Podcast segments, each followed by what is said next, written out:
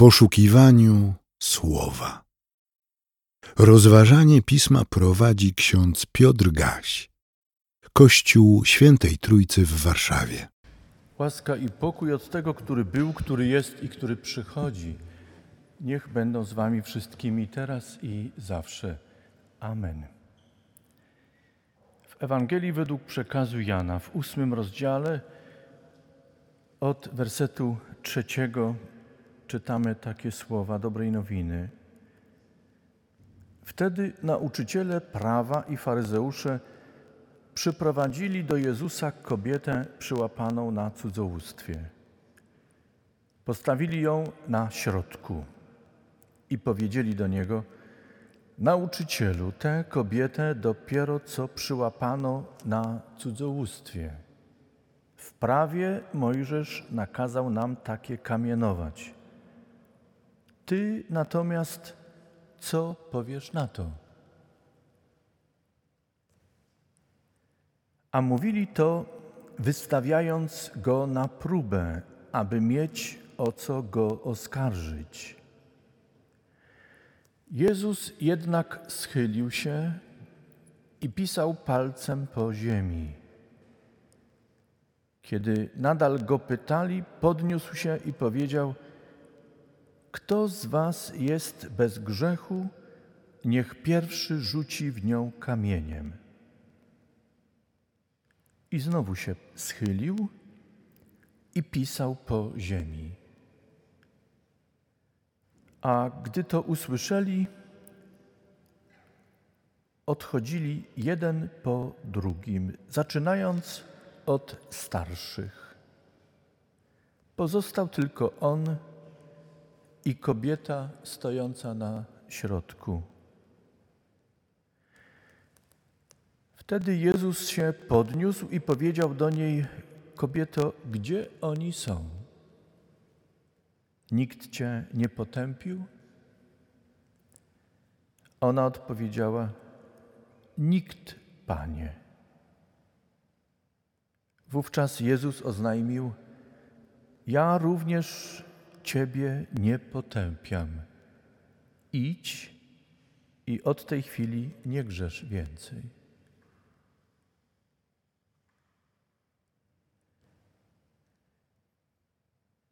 Chryste, Zbawicielu nasz i Panie, proste, a jednocześnie jakże trudne jest to, co przez swoje słowo głosisz nam.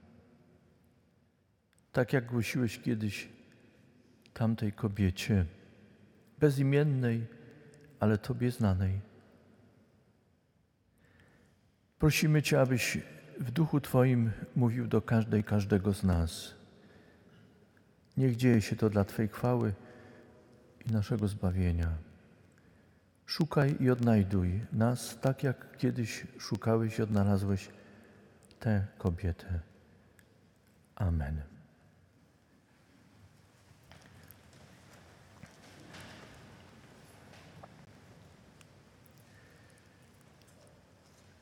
Siostry i bracia, Historię kobiety przyłapanej na cudzołóstwie znajdujemy w Ewangelii Jana y, w pewnym kontekście. Wszystko działo się w trakcie święta Sukkot, święta namiotów. Było to jedno z trzech ważnych świąt pielgrzymich.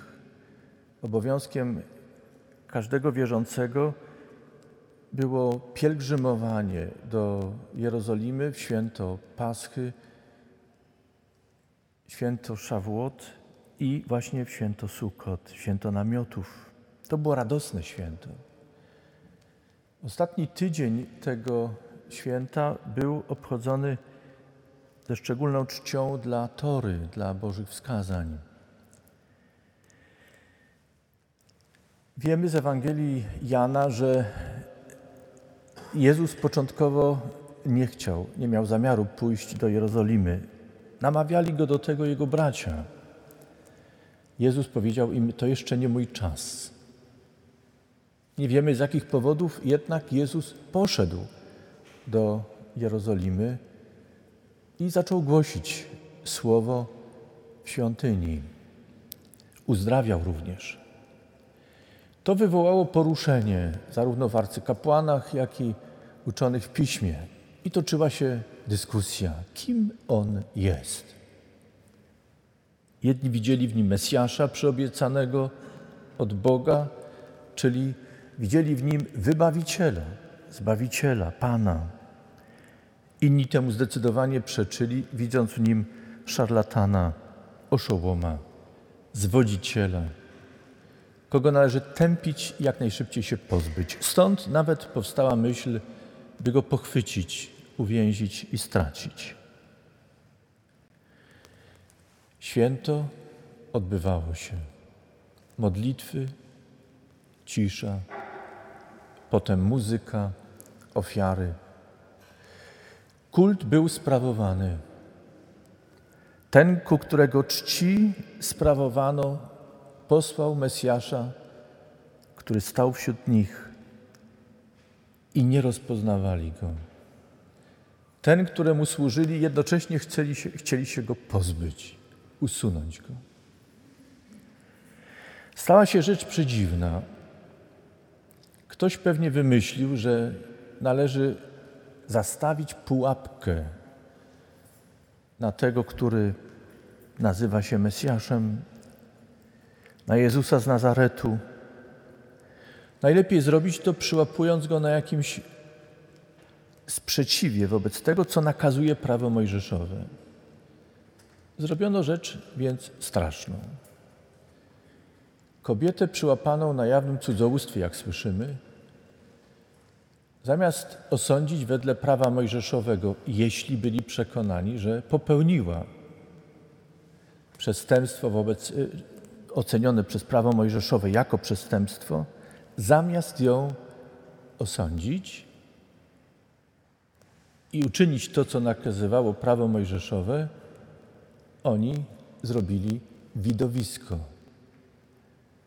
Zamiast w jakiś sposób napomnieć kobietę, jeśli można było ratować, zamiast ludowi pokazać właściwy kierunek myślenia, oni zrobili pokazowy proces, widowisko.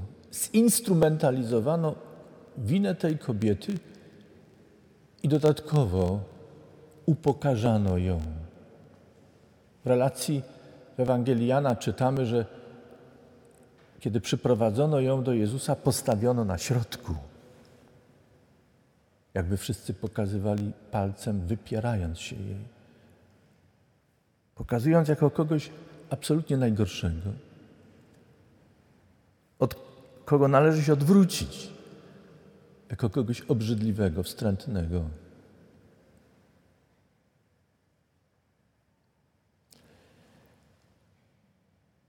Oskarżano ją.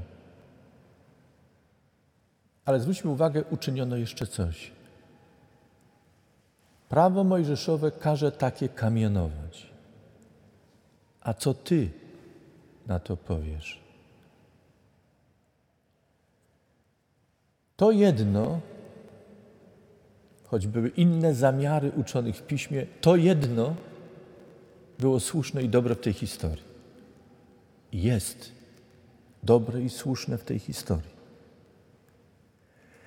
Niechcąco, szukając sposobu przyłapania Jezusa na czymś niekonsekwentnym i złym, w istocie otworzyli Chrystusowi drogę do tego, by już nie prawo mojżeszowe, ale prawo Chrystusa było tym prawem, przed którym stanęła kobieta przyłapana na cudzołóstwie.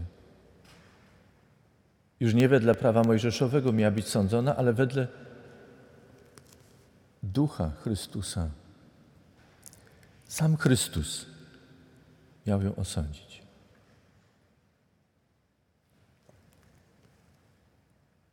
Co Chrystus mówi? Nie nazywa czarnego białym, ani tego, co jest białe, czarnym. Chrystus nie szuka dróg pomiędzy Nie próbuje pójść na kompromis z uczonymi w piśmie, a jednocześnie w jakiś sposób uratować kobietę. Chrystus sądzi i nazywa grzech grzechem. To jest jasne. Choć jednocześnie nazywając po imieniu grzech, który popełniła ta kobieta, wnosi w nasze myślenie także, tak jak wnosił w myślenie tamtych ludzi, coś zupełnie nowego. Kiedy zajrzymy do przepisów prawa mojżeszowego i poczytamy przepisy dotyczące cudzołóstwa, ale także przepisy dotyczące niewinności, zauważymy, że to prawo było z perspektywy i tamtej, ale przede wszystkim Chrystusowej, osobliwe.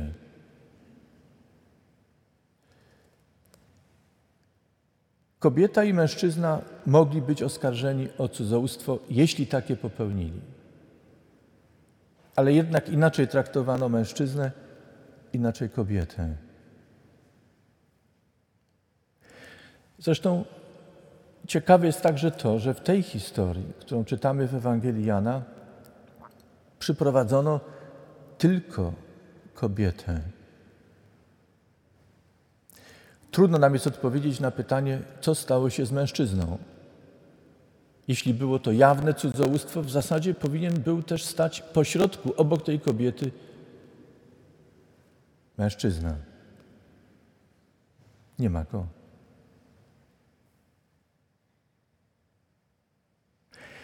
Pewnie się nie dowiemy już. Ale jedno jest pewne, że Chrystus uczynił rzecz niezwykłą. I co ciekawe, uczeni w piśmie nie zaprotestowali.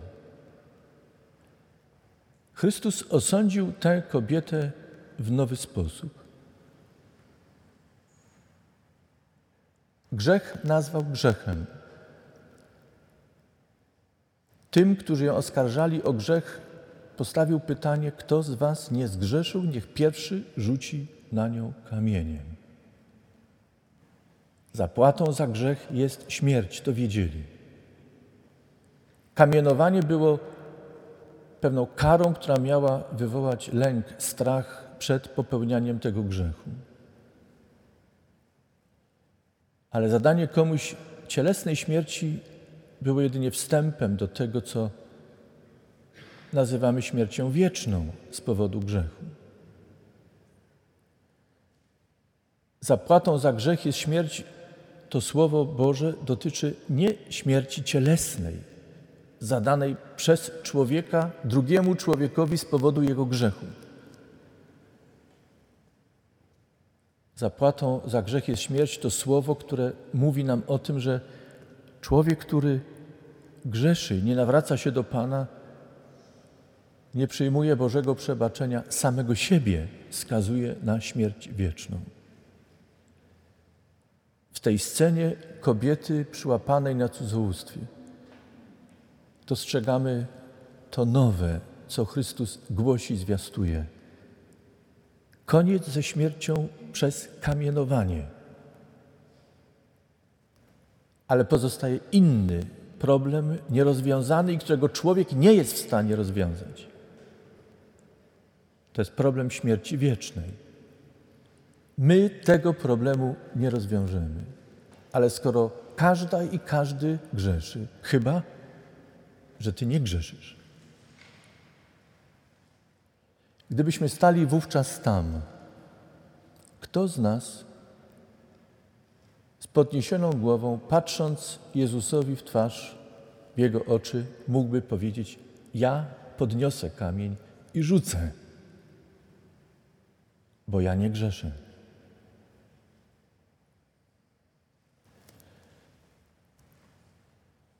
Bylibyśmy gotowi tak powiedzieć?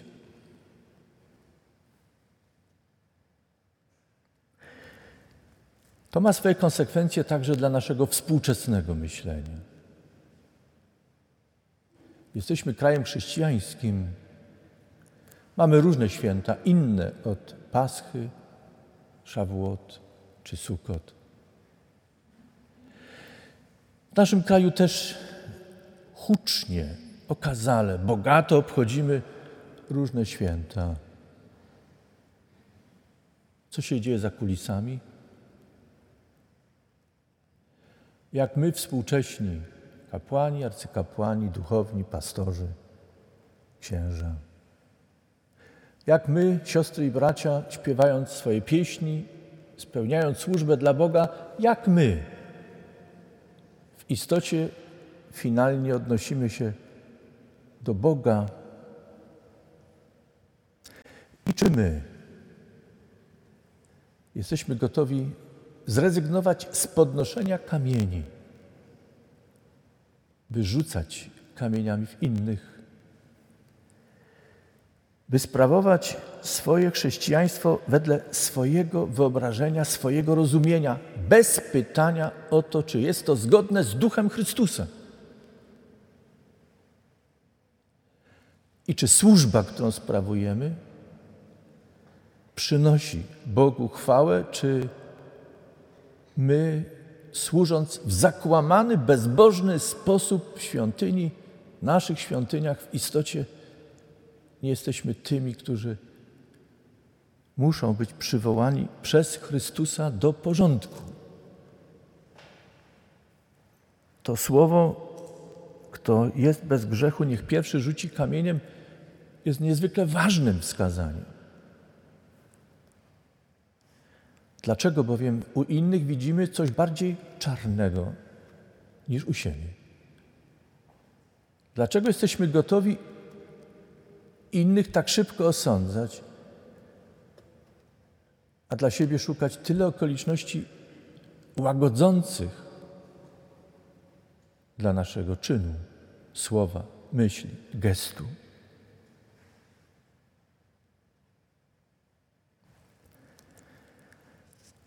Grzech jest grzechem. A to, co jest grzechem, określa nie człowiek, ale Bóg.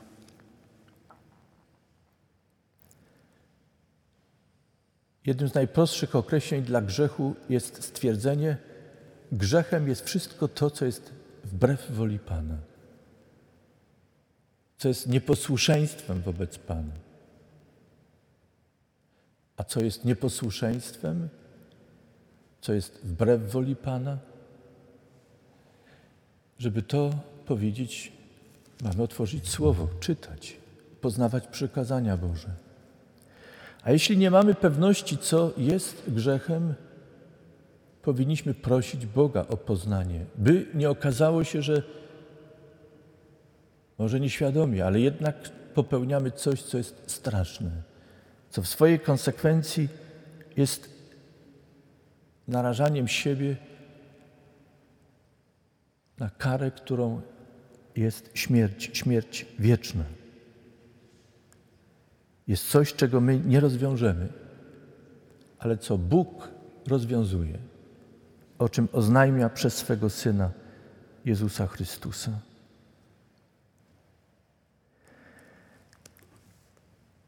Siostry i bracia, my nie mamy katalogu grzechów.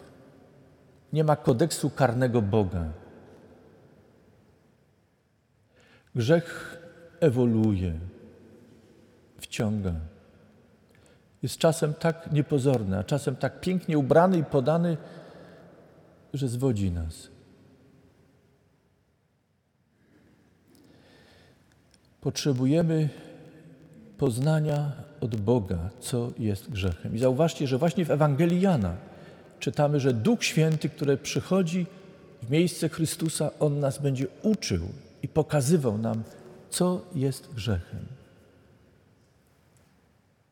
Jesteś niepewna, niepewny, co jest grzechem w Twoim życiu? Módl się o poznanie. Ja Ci tego nie powiem. Nie znam na tyle Twojego życia, tak jak Ty nie znasz mojego życia. Ale Bóg zna nas wszystkich. On w swojej miłości może nas osądzić i osądza i mówi, co jest grzechem. Ale osądza nas nie stawiając nas w środku, kamienując. W swoim sądzie Bóg nas szuka. Daje poznanie grzechu, aby nas nawrócić. To znaczy, chce, byśmy odwrócili się od tego, na co nam wskazuje jako nasz problem, nasz grzech. A potem chce nas poprowadzić nową drogą. Człowiek sam z siebie nie jest w stanie przestać grzeszyć. Ale w mocy Chrystusa, która odradza człowieka, może odwrócić się i w mocy Chrystusa może pójść nową drogą. Jeśli zaś zdarzyłoby się, że człowiek zbłądzi, Bóg znowu daje poznanie grzechu. Znowu napomina i karci. Nie po to, by się śmiać człowieka, upokarzać człowieka, stawiać go na środku i wyniszczać go pokazuje człowiekowi grzech, aby człowiek podniósł się, odwracając się od winy, od grzechu, żył nowym życiem. To prawda, to jak w życiu. Idąc, spotykamy się, upadamy, ale nikt nie upada po to, by leżeć. Upada po to, by powstać. Bóg rozwiązał problem naszego upadania przez Pana Jezusa Chrystusa. Uczynił rzecz niezwykłą. Bezwzględne prawo, które każe człowieka, zmienił w prawo, które nazywa grzech grzechem, a jednocześnie dał prawo miłości, w której Bóg, odrzucając grzech, wyciąga rękę do grzesznika, by go poprowadzić nową drogą życia. Wydając mu swoje przebaczenie, karę za grzech, śmierć złożyć na Chrystusa. Byśmy w Jego śmierci, Jego zmartwychwstaniu i w niebo wstąpieniu mieli otwartą drogę do życia, wolności, w duchowym przemienieniu tu na tej ziemi i mogli mówić, wracamy do Ojca, gdzie już nie będzie upadku, będzie oglądanie pełni zwycięstwa Chrystusa także w naszym życiu. Dotykam dzisiaj, siostry i bracia, rzeczy kluczowej, bo życia Twojego i mojego.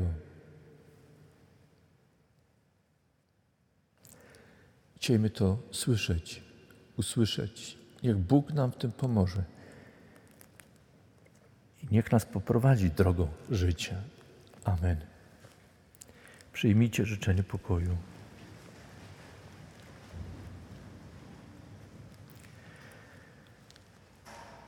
A pokój Boży, który przewyższa wszelkie zrozumienie, niechaj strzeże serc i myśli naszych w Chrystusie Jezusie, Panu i Zbawicielu naszym.